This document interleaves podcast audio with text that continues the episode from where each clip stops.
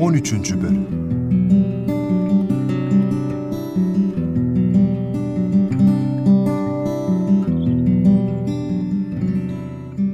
Bu durumda adam ne diyebilir ki? Önce kendi örnek olmuş. Hişam dönemi Endülüs'te bir barış ve huzur dönemi olmuş. Müslüman, Hristiyan, Yahudi herkes bu barış ve huzur ortamından nasibini almış. Herkes şöyle bir rahat etmiştir herhalde. Evet. E tabi bazı küçük isyanlar da olmuş. Ama Hişam bunları bastırmakta güçlük çekmemiş. İçte duruma tam hakim olunca da Alava bölgesine, Galicia'ya, Franklar üzerine başarılı seferler tertip etmiş ve bolca ganimet ele geçirmiş. Böylece devletin dış itibarını artırmış. Hristiyan bölgelerindeki Müslümanlar da kurtulmuştur inşallah. Hristiyan bölgelerindeki Müslümanlar kurtulduğu gibi Hristiyanlardan İslam'a geçenler de çoğalmış. İslamlaşma ciddi bir hız kazanmış. Diğer taraftan fikri hayatta bir canlılık yaşanmış ki bu dönem Maliki fıkhının Endülüs'te etkili olmasıyla sonuçlanmış. İmamı Malik Medine'de değil miydi? Medine nere, Endülüs nere? Çok güzel bir soru kızım, çok güzel. Başka sorusu olan var mı? İmam Malik de Endülüs'e mi gitmiş yani? Hayır kuzum. Valiler döneminde Endülüs'te İmam Evzai'nin görüşleri hakimdi. Daha çok fetihle alakalı konularda odaklanan bu görüşler zamanla ortaya çıkan yeni meselelerde yetersiz kalmıştı. Diğer taraftan yeni Müslüman olanlar, Yani İspanyol asıllı Müslümanlar. evet oğlum, İspanyol asıllı Müslümanlar İslam'ın doğduğu yerleri, Kabe'yi, Mekke ve Medine'yi merak ediyorlardı. Birçoğu hac görevini yapmak için yollara düştü. Mekke'deki görevlerini tamamlayanlar Medine'ye, Peygamber Efendimizin yurduna geçti. İmam Malik Medine'deydi. Endülüs'ten gelen bu gençler Medine-i Münevvere'de bir süre kalarak İmam Malik Hazretlerinin derslerine devam ettiler. Maliki fıkhının esaslarını öğrendiler. Endülüs'e döndüklerinde de orada Maliki fıkhının fakihleri olarak saygı gördüler. Allah lütfedince her şey kolay oluyor işte. Hişam tertip ettiği ilim meclislerinde sık sık bu fakihlerle birlikte oldu. Pek çok hususlarda onlarla istişarede bulundu. Görüşlerine itibar etti. Peki İmam Malik Hazretleri Hişam'ı tanıyor muydu? Endülüs'ten gidenler İmam Malik'e Hişam'ın takdirlerini bildiriyorlardı. Hişam, İmam Malik Hazretlerini seviyor ve görüşlerine değer veriyordu. İmam Malik Hazretleri Hişam için Allah'ın onunla nefsimizi süslemesini isterim dediği rivayet ediliyor. Hişam dönemi bir başka güzel olmuş. Keşke devam edebilseydi. Evet kızım, keşke devam edebilseydi. Devam etmemiş mi yani? Hişam'dan sonra oğlu Hakem hükümdar olmuş Endülüs'e. Gel gelelim Hakem biraz farklıymış.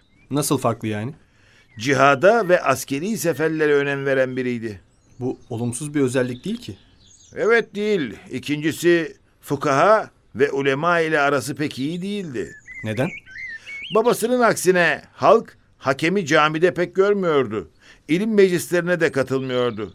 Zevku safa meclislerini ve av partilerini daha çok seviyordu. Eyvah ortalık karışacak desene dede. Evet oğlum bu yüzden de ortalık karıştı. Ulema ve halk hakemi pek sevmedi. Bu memnuniyetsizlik yine düşmanın işine yaradı. Hangi düşmanın? Asıl düşman nefis ve şeytan değil mi kızım? Adalet ve hukuk konularında nasıldı acaba? Adı hakem olduğuna göre ismiyle müsemma olmalı değil mi dede? Cam bölgesinde yaşayan halktan biri hükümdar hakem aleyhine davacı olur. Hakem davacının elinden zorla cariyesini almıştır. Kurtuba kadısı Mus'ab hükümdarın aleyhine karar verir ve cariyenin sahibine iadesini ister. Hakem de bu karara uyarak cariyeyi yerine teslim eder.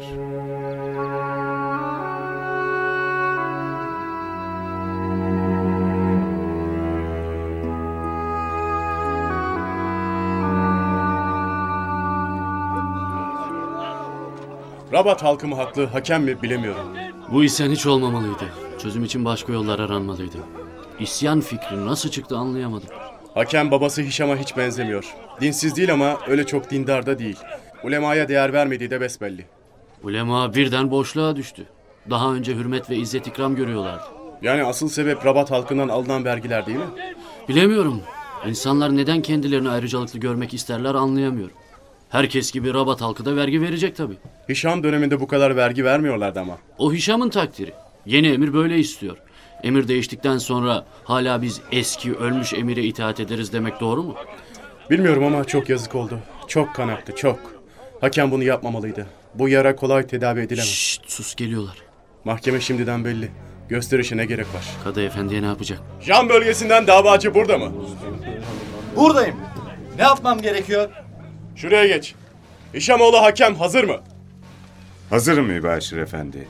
Ben nereye geçeyim? Kadı efendi daha iyi bilir. Sanık sandalyesine buyurun efendim. Bugün burada davalısınız. Ee, peki oturabilir miyim? Ayakta durmanız daha uygun olur. Bizim kadı efendi ecelini susadı galiba. Davacı, sorularıma cevap ver. Adınız, Hoze Kadı Efendi. memleketiniz, Şam bölgesindenim. dava konusu nedir? Ben Hristiyan tebaadanım. Ehli zimmetim yani. Devletin benden istediklerini aksatmadan ödüyorum. Kanunlara uyuyorum. Öyle mi emir hazretleri? Evet Kadı Efendi. Teba olarak herhangi bir kusuru tespit edilemedi. Dava konusuna gel. Emir Hazretleri hiçbir şey belirtmeden, bedelini ödemeden makamımı kullanarak kanunsuz bir şekilde cariyemi elimden aldı. Davacıyım. Doğru mudur emir hazretleri? Bu konuda hukukun gereklerini yapmadınız mı? Galiba biraz hissi davrandım. Ehli zimmete nasıl davranılacağını bilmiyor musunuz? Biliyorum Kadı Efendi. Davacı doğru mu söylüyor? Evet, doğru söylüyor. Zorla aldığınız cariyeyi ona iade edeceksiniz.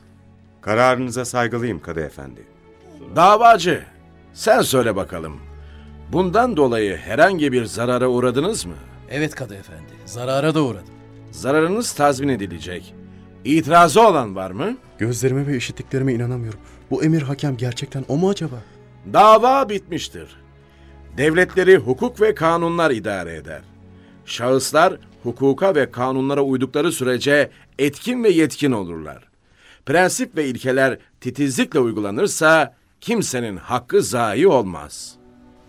Allah'ım sen bana ne güzel kadıları ihsan etmişsin. Ne cesur bir kadı bu. Bunu daha iyi bir göreve getirmeliyim.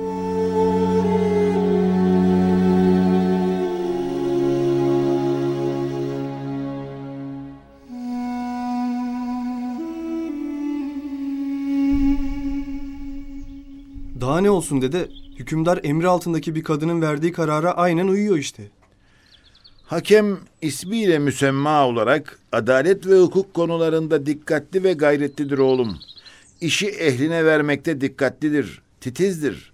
Devlet adamları adalet gibi bir zinet daha bulamazlar sözü hakeme aittir. Geriye ne kaldı dede? Hükümdar hakem ayrıca orduya çok önem verdi. Saltanat yıllarının çoğunu seferde geçirmişti. Endülüs'te ilk defa maaşlı asker istihdam eden hakemdir. Askerlik konusunda sert ve kararlıdır. Bir gün Maride valisi berberilerden bir grubun isyan ettiğini bildirir. Hakem hemen komutanını çağırır.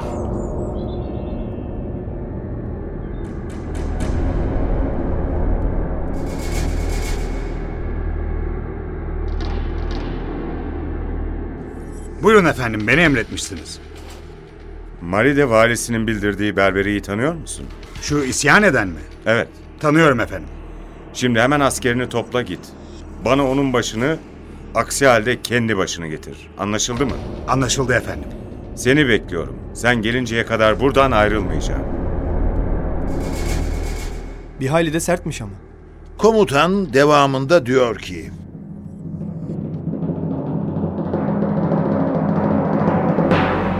Onun bu tavrından dehşete kapılmıştım. Derhal harekete geçtim. İsyancı ile karşılaştığımda baktım ki kolay yutulacak bir lokma değil. Çok şiddetli çarpışmalar yaşadık. Adamı bir türlü ele geçiremedim. Bir ara savaşı bırakmayı düşündüm ama geriye ancak kendi kellemi götürebilirdim. Geriye kelle götürmektense burada can vermek daha iyidir dedim. Bütün gücümle saldırdım. Nihayet Allah bana zafer nasip etti. Döndüğümde gördüm ki hala bıraktığım yerde oturuyordu.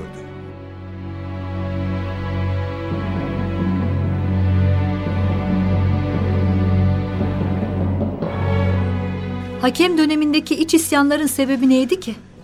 Kimler ve neden tahrik ettilerse önce amcaları Abdullah ve Süleyman isyan etti.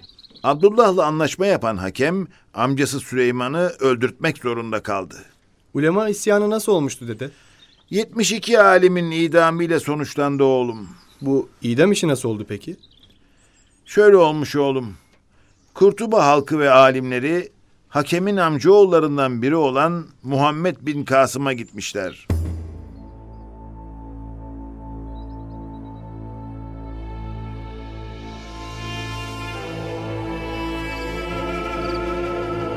Hiç yanlış anlama ama halk hakemden memnun değil. Dinsiz değil ama dindar da değil. Babasının aksine onu camide gören pek yok. Zevku safa meclisleri ve avcılık daha çok ilgisini çekiyor. O zaman bu adam nedir? Nedir? Ne demek istiyorsunuz? Bu adam bir facirdir. Kurtuba ise bir ilim ve ahlak merkezidir. Dini ve ahlaki kaygılardan uzak bir hükümdarı başında taşıyamaz. Bunu kendisine söylediniz mi? İlim meclislerine küs birine bunlar nasıl söylenebilir? Bir yolunu bulurdunuz. Bu adamı başımızdan devirmek vacip oldu. Gel bizim önderimiz ol. Seni hükümdar yapalım. Yapabilecek misiniz? Mümkün görüyor musunuz? Yeterince güçlüyüz. Başarabiliriz. Halk bizi destekler. Hakemle ilgili iddialar biraz abartılı gelmiyor mu size? Eksiği var fazlası yok. Hakemin güçlü bir ordusu var. Buna fırsat vermez. Bunun için size geldik. Bir akrabası ve akrabaları da bizimle olunca iş değişir. Ne yapmayı düşünüyorsunuz? Saraya yürüyeceğiz. Hakemi indirip sizi oturtacağız. Kiminle yapacaksınız bunu? Bütün ulema bizimle. Halk bizden yana. Kıvılcımı bir çaktık mı halk gerekeni yapacak. Yapar. Eğer uygun görürseniz gelecek toplantımızı sizin evinizde yapalım. Ne yapacağımızı konuşalım. Sizden şüphelenmezler. Bizim evlerimiz kontrol ediliyor olabilir. Bizim evimizin kontrol edilmediğinden emin misiniz? Araştırdık. Tespit ettik. Kontrol edilmiyor. Siz işi bir hayli ciddiye almışsınız. Ne diyorsunuz? Bize önderlik eder misiniz? Biz şehir halkı adına size biat ediyoruz. Kabul eder misiniz? Düşünmem lazım. Bana bir gün müsaade edin düşüneyim. Kararımı vereyim. Peki öbür gün sizde toplanmamıza müsaade eder misiniz? Misafire olmaz diyemem. Ne zaman isterseniz buyurun gelin. Öbür gün burada toplanıyoruz ve ne yapacağımıza karar veriyoruz. Tamam mı? Tamam. Hemen harekete geçeriz.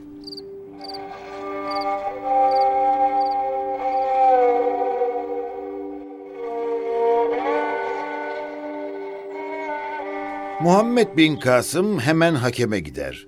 Durumu anlatır. Hakem inanmaz. Bu söylediklerini ispat etmesini ister. Muhammed bin Kasım da ertesi gün yapılacak toplantı için gizlice adamlarını yerleştirmesini, bizzat takip etmesini ister. Hükümdarın adamları bin Kasım'ın evinde gerekli yerlere gizlendikten sonra adamlar gelir.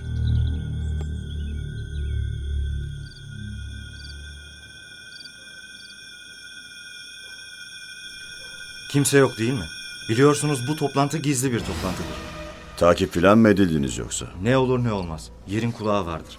Kalabalık oluruz diye büyük salonu hazırlattım. Hizmetçiler de hizmetinizde. Hizmetçiler? Merak etmeyin benim adamlarım. Çok dikkatli olmamız lazım.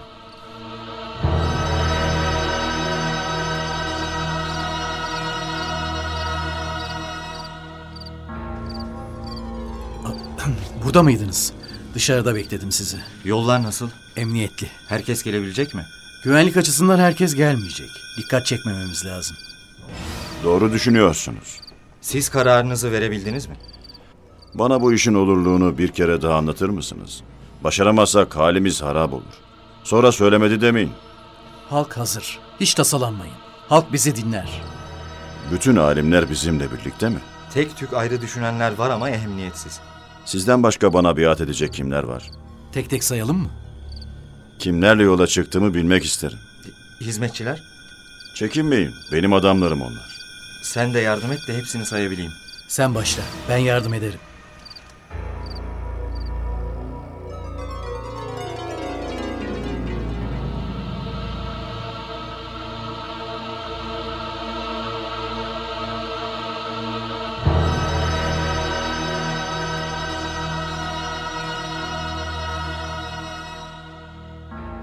İsyan hareketi içinde kimler yer alacaksa tek tek sayarlar.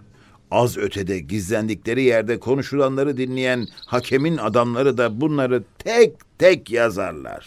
Eyvah tuzak. Evet kızım.